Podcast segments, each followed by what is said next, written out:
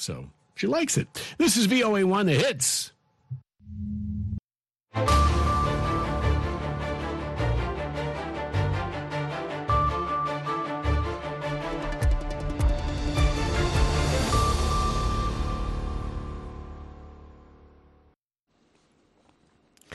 Halkani waa washington laanta af soomaaliga ee v o a oo aad si toosa uga dhegaysanaysaan muwjadaha gaagaaban iyo waliba efemyada geeska afrika iyo caalamkao dhan ood nagala socotaan boggeyga v o a somali com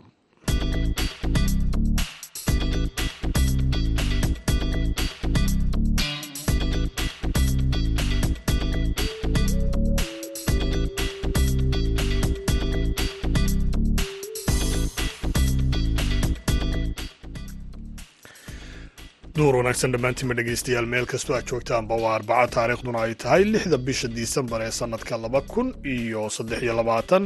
Haatan dhegaystayaal saacadda afrikada bari waxay tilmaamaysaa kowdiiyo barhkii duurnimo idaacaddana waxaa halkan idin kala socodsiin doona.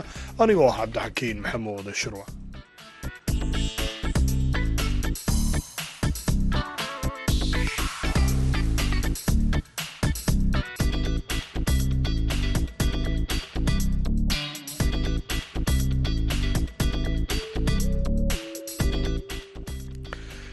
qodobada dhegeystayaal aad ku maqli doontaan idaacadda duhurnimona waxaa ka mid ah wararkii ugu dambeeyey howlgallo ka dhana al-shabaab oo ka socda hiiraan iyo weliba dagaal beeleed ka qarxay shabeellaha dhexe. Wararkii ugu dambeeyey duqeynta waxay sheegayaan in sida ay dowladdu sheegatay in ilaa iyo lix waxaa kaloo dhegaysan doontaan roob ka da'ay dalka kenya oo sababay dhimashada boqolaal qof iyo weliba barakaca tiro kale oo badan. Qodobadaasi weliba ciyaarihii iyo dhinacii kaalmaha heesa ayaad dhegeystayaal ku maqli doontaan inta aan idaacadda ku guda jirno hase yeeshee marka hore ku soo dhowaada qaar ka mida qodobadii wararka adduunka ugu waaweynah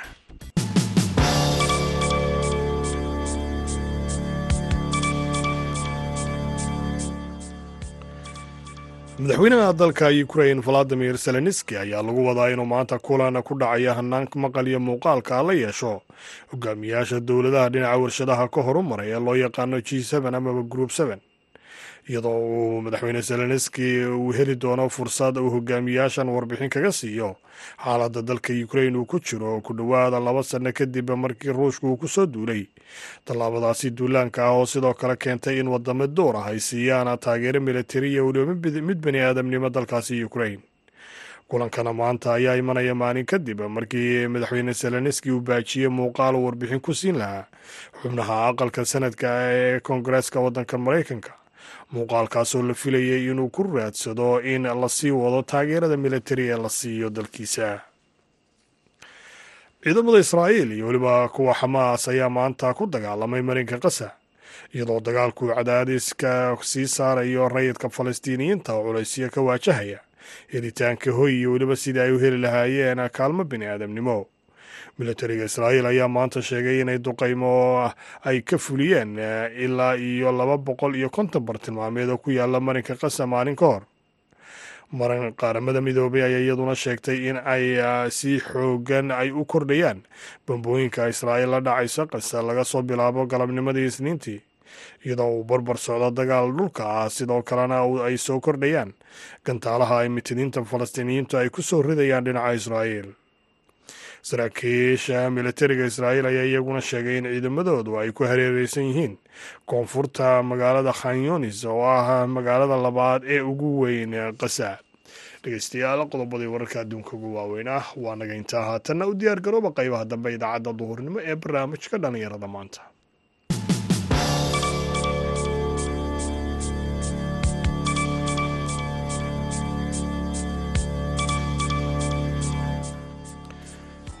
mar kale ayaan idin leeyahay dhammaantiinba. Dowrucana wanaagsan meel kastoo aad joogtaanba. Aan ku bilownay howlgallo ka dhana kooxda al-shabaab. Ayay ciidamada dowladda iyo weliba maleeshiyada deegaanka ah ay ka sameeyeen qeybo ka mid a gobolka hiiraan. Howlgalladaasi ayay saraakiil sheegeen in ujeedkiisu yahay in shabaab laga saaro deegaanada ay gobolka kaga sugan yihiin ama ay kaga harsan yihiin. Dhinaca kalena dagaal beeleed khasaare geystay ayaa shalay geninkii dambe ka qarxay. Deegaano u dhadhow magaalada qalimow ee gobolka shabeellaha dhexe. Daba wararkii ugu dambeeyey ee dagaalada iyo weliba dagaalada hiiraan iyo weliba shabeellada dhexe ayaa uu jamaal axmed cismaan ka waraystay wariyaha v o a xuseen xasan dhaqane jamaal waa mahadsan tahay ilaa afartii maalmood ee ugu dambeeyey waxa uu howlgal ka socday inta udhexaysa degmooyinka halgan iyo jallabsi ee koonfurta gobolka hiiraan. Howlgalka waxaa qeyb ka ahaa ciidamada dowladda oo kaashanaya dadka deegaanka. Waxay kula dagaalameen kooxda al-shabaab deegaano hoostaga degmada halgan. Sidoo kale waxaa jirtay duqeyn diyaaradaha dagaalka ee saaxiibada soomaaliya ay ka geysteen laba habeen ka hor saldhig al-shabaab ay ku lahaayeen meel u dhow degmada jallaqsi gaar ahaan dhinka jiinka shalay ciidamo ilaa kun iyo dhowr qof ka kooban oo dadka deegaanka ah ayaa lagu soo bandhigay oo u diyaarsan in dagaalka ay ka qayb qaataan. Waxaa la hadlay uqaabilsanaha arrimaha difaaca ama macuusuliyada ee madaxweynaha soomaaliya cali jeeta cismaan waxa uu kuwa dardaarmay in howlgalka ay sii wadaan. Waxaa goobjoog ahaa saraakiil kale oo ciidanka deegaanka ka mid ah. Ilaa iyo hadda dhaqdhaqaaqi ay weli ay ka soconayaan deegaanka deegaano hoostaga halgan. Xaaladda inkastoo ay degan tahay dadkii deganaa meelo u dhow goobihii lagu dagaalamay oo ay ka barakaceen qaarkood waxay aadeen dhanka iyo halgan kuwana waxay soo aadeen magaalada beledweyne inkastoo xaaladda ay degan tahay laakiin weli diila colaadeed ayaa waxay ka jirtaa meelihii lagu dagaalamay. Waayahay jamaal. Dhaqane miyaa la ogyahay khasaaraha ka dhashay howlgalladan iyo dagaaladan iyo duqeymahaba? Muddooyinkii ugu dambeeyey ka dhacay gaar ahaan berihii ugu dambeeyey gobolka. Wararkii ugu dambeeyey duqeynta waxay sheegayaan in sida ay dowladdu sheegatay in ilaa iyo lixdan iyo dhowr ka mid ah al-shabaab lagu dilay ila madax banaan ma jiro laakiin dadka deegaanka waxay sheegayaan in duqeyntu ay khasaaro geysatay tiro sugan lama heli karo. Dhanka ciidamada dowladda iyo kuwa deegaanku waxay sheegeen in dagaaladii ugu dambeeyey aan wax khasaaraha ka soo gaarin. Waayahay howlgalladani muddo ayay soo socdeen dabcan hadda dib ayay u cusboonaadeen muddana hakad ayay ku jireen. Marka miyaa la ogyahay sababta keentay in howlgallada hadda ay dib u bilowdaan maxaase keena markii hore in hakad ku yimaado? Jamaal inkastoo arrimaha ay yihiin arrimo iska ciidan ah oo aanan xogta hoose aanan ogaan karin haddana. Maalmihii ugu dambeeyey ama bilihii ugu dambeeyey waxoogaa hakad ayaa ku yimid. Wixii ka dambeeyey markii ay dagaaladu ka dhaceen oo ciidanka dowladda ay waxyeelo ka soo gaarteen dagaaladii ka dhacay ceeldheer iyo deegaano la mid ah oo bariga gobolka galgaduud ah. Wixii ka dambeeyey hoos ayaa ku yimid howlgalkii socon kan inuu dib u bilowdo dhowr jeer ayaa madaxweynaha soomaaliya uu ku celceliyey iyo mas'uuliyiinta deegaanka in howlgalka uu bilaabanayo. Marka waxaa la dhihi ballanqaadyadii la sameynayo oo ah in dagaalka uu dib u bilaabanayo taas ayay qayb ka tahay. Iyo dhamaystirka wejigii koowaad howlgalka oo waxyar hadda ay sheegayaan mas'uuliyiinta dowladda in waxyar ay ka dhiman tahay oo dhowaan wejiga labaad uu bilaabanayo. Marka taa un keliya ayaa lagu macneyn karaa. Waxa keenay in howlgalka mar kale uu dib u bilowdo waayahay. Dhinaca kale gobolka shabeellaha dhexe gaar ahaan deegaano qalimow iyo u dhow waxaa laga soo sheegayaa in dagaal beeleed uu ka dhacay. Shalay gelinkii dambe maxaa isagana nooga sheegi kartaa? Wararka deegaanka aan ka helayno waxaa ka mid ah in dagaalka shalay gelinkii dambe uu ka dhacay meel u dhow deegaan lagu magacaabo qalimow oo shabeellaha dhexe ka tirsan una dhexeeya jowhar iyo balcad. Wararka aan helayno ilaa saddex qof ayaa ku dhimatay oo ah dhinacyadii dagaalamayay dhaawacyo oo ay jiraan wararku waxay sheegayaan in dagaaladaasi colaadaasi ay soo jirtay muddo bilo ah. Laakiin ujeedada waxay tahay muran dhul oo ka dhexeeya laba beelood oo halkaasi wada degan ilo deegaanka ah oo aan la hadlay waxay sheegeen dagaalka in shalay si iskii ah uu u istaagay iyadoo aan la dhexgelin lagana cabsi qabo in marka uu dib u qarxo. Ilaa iyo hadda ma jirto waan waan iyo dhinacyadii dhinacyo ka koreeya oo soo dhexgalay si arrinta loo qaboojiyo marka wararka aan helino maanta inkastoo dagaal uusan dhicin oo kii shalay uu ku ekaa haddana weli xaaladdu ay kacsan tahay oo deelo colaadeed ayaa waxay ka jirtaa deegaankii shalay lagu dagaalamay. Waa gartay. Dhaqane gobolka shabeellaha dhexe maahan markii ugu horreysay ay beelo ku dagaalamaan marar badan ayuu dagaalada ku salaysan aanada qabiil ama beelaha ay ku soo lalaabtaan dabcan gobollada kale ee wadankana meelo badan waa isaga dhow yihiin ama waa isaga mid laakiin gobolkan hadda dagaalo ka dhan al-shabaab ayaa ka socday. Sidee bay u saameyn karaysaa howlgallada ka dhanka al-shabaab dagaal beeleedyadan ka dhacaya gobollada? Ayadoo taa ay jirto oo dagaal uu ka socdo ama howlgal ka dhan al-shabaab haddana dagaalada beelaha waa ay ka dhacaan gobolka shabeellaha dhexe. Degmada cadalle iyo deegaana hoostaga dagaalo ayaa ka dhacay oo waxyeelo weyn geystay oo khasaaro dhimasho iyo dad rayid ah oo si aana ah loo dilay maamulada deegaanka waxay dadku ku dhiirigelinayaan mar walba in dagaalka dhexdooda ah ay joojiyaan oo dagaalka hadda ay ku jiraan ciidanka dawladda iyo dadka deegaanka oo al-shabaab ay kaga soo horjeedaan un aanan xagaldaacin lagu sameyn. Laakiin taa iyadoo ay jirto ayaa haddana mar walba waxaa dhacaya in dagaalada beelaha ay soo laalaabtaan murano dhul laysku qabsanayo iyo sidoo kale aanooyin qabiil taana maamulka deegaanka aada ayuu walaac uga muujiyey sii socoshada in dhibaato ay ku noqon karto howlgalkii looga soo horjeeday kooxda al-shabaab. Waagaaga dhegeystayaaalkaasina wuxuu ahaa wariyahayaga xuseen xasan dhaqane oo u waramayey wariyahayaga kale jamaal axmed cismaan. Halka weli aad nagala socotaana waa idaacadda duhurnimo ee barnaamijka dhallinyarada maanta. Sheekooyin kale dhegeystayaal waa inoo soo socdaane haatan. Aynu jaleecno dhinacii kaalmaha heesaha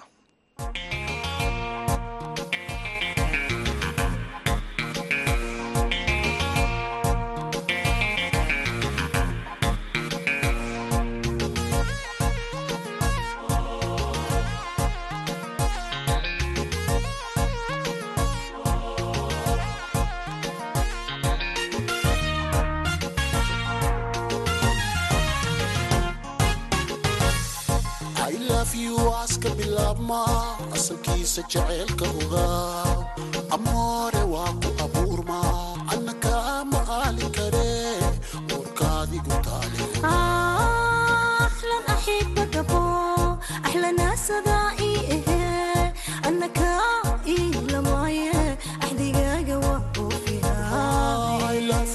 aska bilaabma asalkiisa jaceylka oga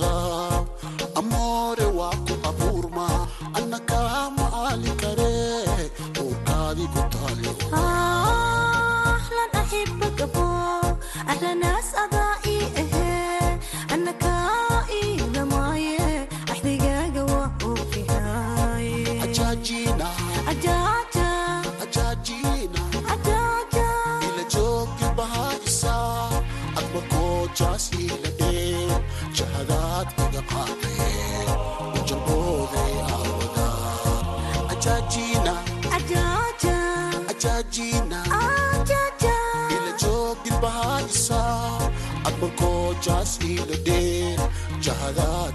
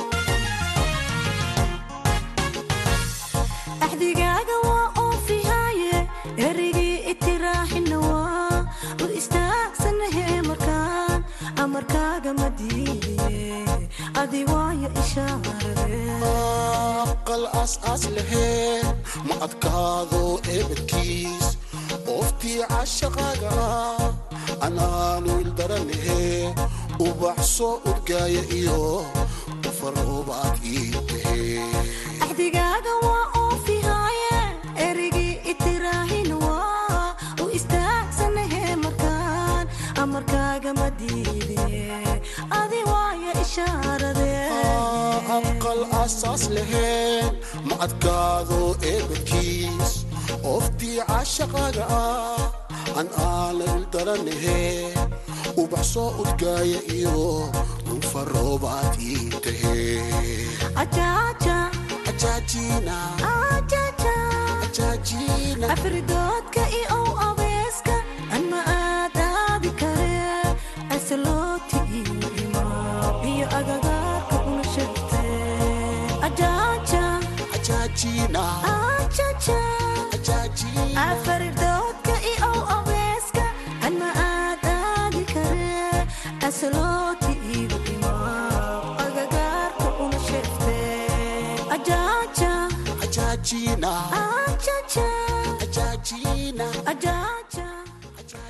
dhegeystayaal aynu heestaasi intaasi kaga nimaadno islamarkaana hore uga sii soconno idaacaddeenna duurnimo ee barnaamijka dhalinyarada maanta. Haatana nairobi. Tirada dhimashada fatahaadaha ka dhashay ee robab culus oo ka da'ay dalka kenya ayaa korodhay iyada oo dadka ku naf waayay roobkaasi ay la sheegay in ay kor u dhaafeen ilaa iyo boqol iyo afar iyo konton ruux sidoo kalena qoysas fara badan ayaa ka barakacay deegaanadii ay ku noolaayeen. Insaal saale xuseen ayaa warbixintan ka soo dirtay nairobi. Fatahaadaha ka dhashay roobabka culus ee elnino ee ka da'aya guud ahaan dalka kenya ayaa saameeyey nolosha qoysas badan iyadoo sidoo kalena ay sababeen dhimasho ilaa iyo konton iyo afar ruux. Qoysaska ku barakacay fatahaadaha ayaa lagu qiyaasay sagaashan kun oo qoys iyadoo meelaha ugu badan ay roobabku aada u saameeyeen ay ka mid tahay ismaamulada tanariva gaarisa wajeer iyo mandheera lix ka mid ah dadkii u dambeeyey ee ku dhintay fatahaadaha ayaa laga soo tabiyey magaalada voy ee ismaamulka taita tafeta.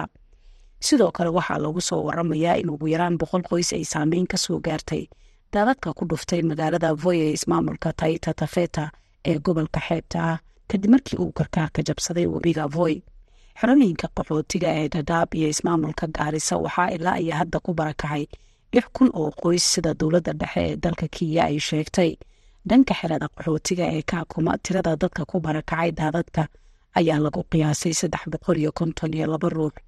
Dhanka kale toddobiiyo toban ka mid ah ismaamulada ay daadadku saameeyeen ayaa lagu wadaa inay ka faa'iidaystaan agabka looga hortagayo ama lagula tacaalayo cudurka daacuunka. Xogeyaha joogtada ah ee wasaaradda arrimaha gudaha iyo maamulka qaran doctor raymond omolo ayaa sheegay in kiisaska cudurka shuban biyoodka ee laga soo tabiyey ismaamulada laamu gaarisa kawaale mandheera iyo wajeer sidoo kale waaxda saadaasha hawada ee dalka kenya ayaa sheegtay in la rajeynayo in laga bilaabo maanta ilaa iyo labaiyo tobanka bishan disembar aynu ku jirno in robab badani ay ka da'aan. Meelaha aysan horey robabka uga di'in oo ay ka mid tahay rift bariga iyo sidoo kale xeebta. Waxaa sidoo kale saadaasha lagu sheegay in waqooyi bari iyo waqooyiga kenya ay inta badan ahaan doonaan qallayl oo aysan robab ka di'i cumar maxamuud oo ah sarkaal ka tirsan wasaaradda shaqada iyo shaqaalaha iyo arrimaha bulshada oo qaabilsan dhanka carruurta ayaa waxa uu tilmaamayaa meelaha ugu badan ee saameynta ay ka geysteen roobabka iyo sida ay u saameeyeen qaar ka mid ah carruurta intisaar waa mahadsan tahay roobab waxay keeneen waxay saameeyeen bulshada nolosheeda. Oy ugu horeysa roobab waxay keeneen barakac. Dad badan ayaa guryahoodii ka barakacay oo biyaha markay ku soo fataheen kadib oo u guureen meelo kale ayay u qaxeen ama meelaha sare ama taagga ay biyaha gelin ay waxaad arki kartaa sida hadda deegaanada aan joogna qaxootiyaalka dhadhaab ifo iyo dhagaxley dad meel guryahoodii ka guureen ee meelo kale u qaxay oo guryahoodii ka tageen. Ayaad arkaysa oo binaanaha bacya ku dhidhisteen ayadoo weli roobabkii cirka wadi ahayo midda kale roobka waxaa kaluu keenay cunto yari soo food saartay. Cuntooyinka qaar haba banaadeena qudaarta horaan hore ayaa loogu waayay suuqda. Haatanna haddii ay xaaladda saan ku sii socoto cuntooyinka qaas oo daruuri ayaa la wayn doonaa iyagana suuqda laga wayn doonaa. Ama kii wixii yeelana way qaaloobi doonaan taasoo nolosha dadka danyarta dhibaato badan ku keeni doonta.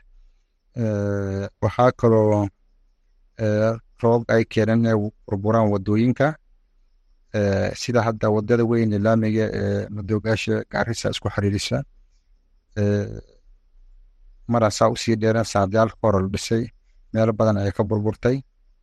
Dhanka kale deegaanka dhadhaab iyo qaxootiyada ilaa haatan dhimashada keliya aan xaqiijin karno waxaa waaye hal canug ku geeriyooday qaxootiga xagadheera isagoo ku dabaalanaya biyaha daadadka ka dhashay.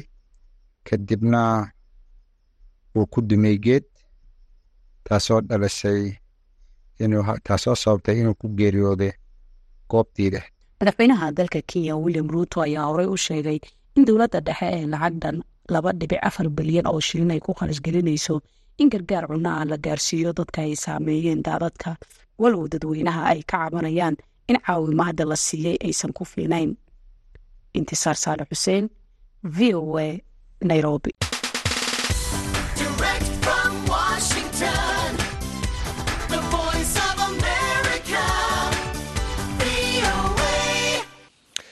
Wagaag dhegeystayaal haatanna ku soo dhowaada xubintii ciyaaraha oo inoo hayo jamaal axmed cismaan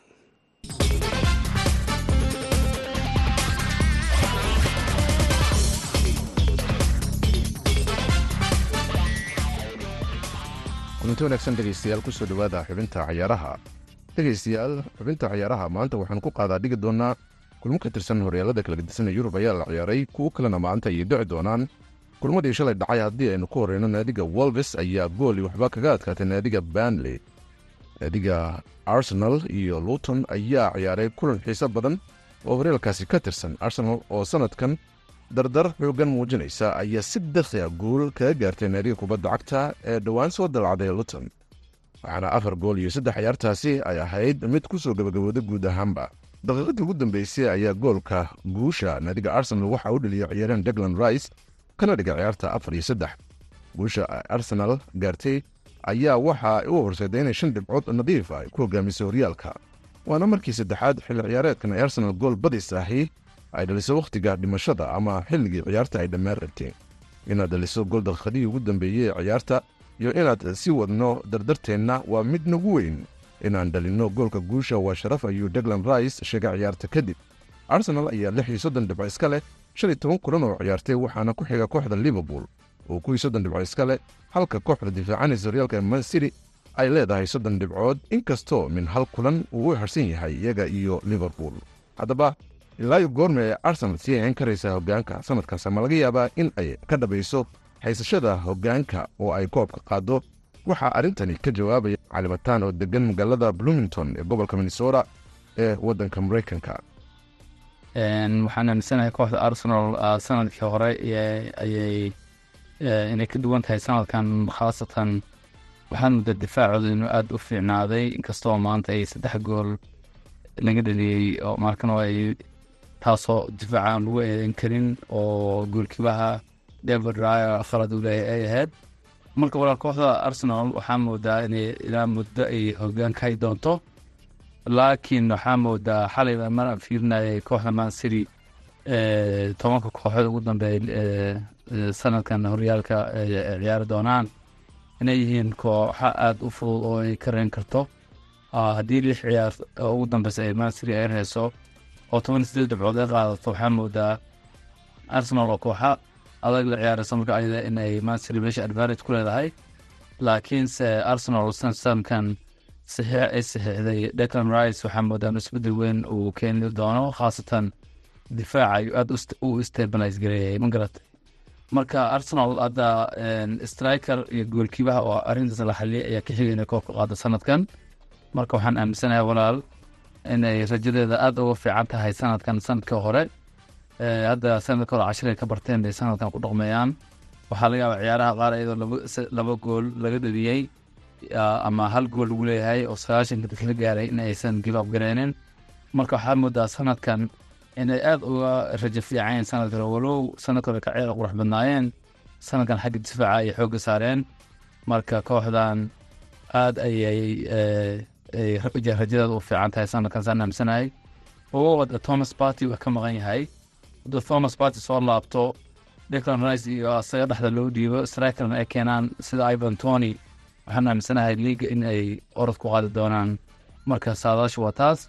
Walow liverpoolna la yareysan karin laakiin horyaalka arsenal ayuu gacanteeda ku jira sanadkan saan aaminsanahay. Dhinaca kale tababaraha arsenal michael arteta ayaa diiday in uu eedeeyo goolhaye david raya markii uu galay khalad sababay qaar ka mid a goolashii xalay laga dhaliyey kooxdiisa arsenal waxaanu khaladaadkaasi ku tilmaamay eed wadareed jirta kulamada kale ee maanta dhici doona dhegaystayaal haddaan idin dulmaro waxaa ka mid ah naadiga kubadda cagta ee brighton and hub albion waxay la dheli doontaa naadiga brentford. Crystal palace waxay dheli doontaa naadiga banmouth fulham iyo nottingham forest ayaa dheli doona halka liverpool iyo sheffield united ay wada dheli doonaan. Aston villa iyo mancity ayaa kulan xiiso badan indhaha lagu hayaa.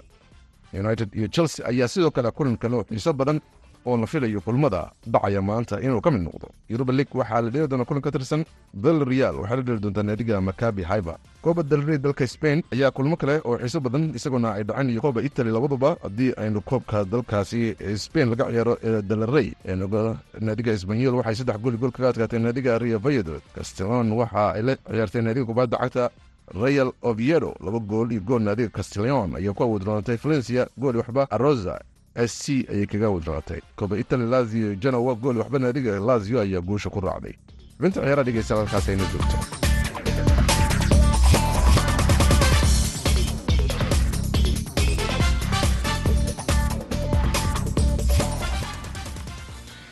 waag dhegeystayaal jamaal axmed cismaan aad iyo aad ayuu mahadsan yahay xubintaasi ciyaaraha inala socodsiinayey gabagabada idaacadda adoornimo ayaynu haataana maraynaaye aynu mar kale dibu jalleecno dhinacii kaalmaha heesaha Música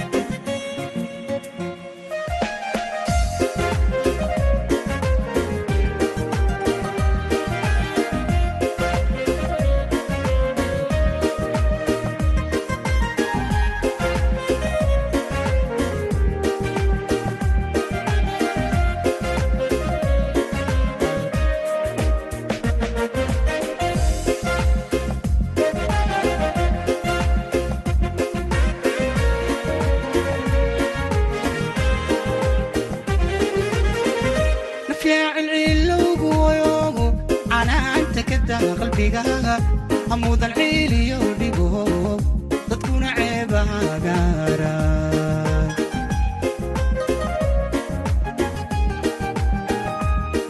nafyaacilcilowgoyo canaanta ka daa qalbigaaga hamuudan ciiliyo dhigo dadkuna ceebahagaara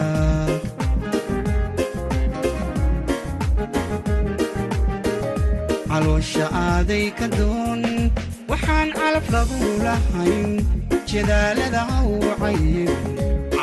yeelkeeda joog culayskana haw nuglan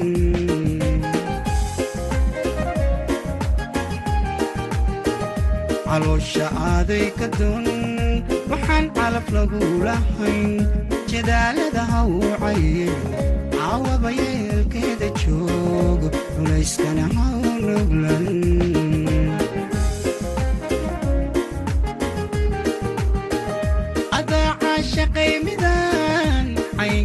caynkiisa jacaylaqoon cubiya waa cirin la dheel ciyaarta garoonka taal cusrigaaga cusriga yusri baa xige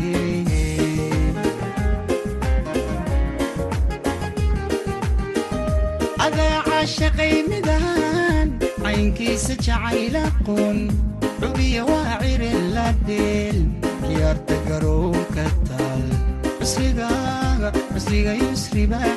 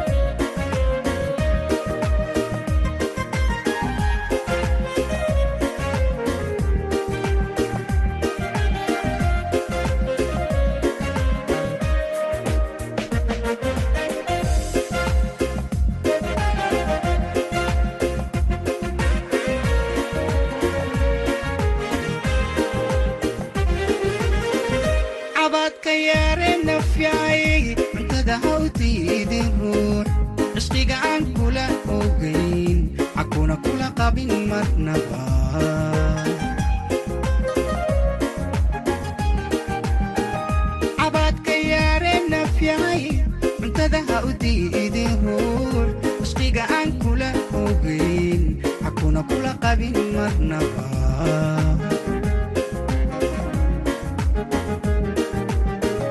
xiriirha u gelin qofan cisaynta jacaylka baran haddeer xaajada cakiran ilmaa kaa shaafiye mid kale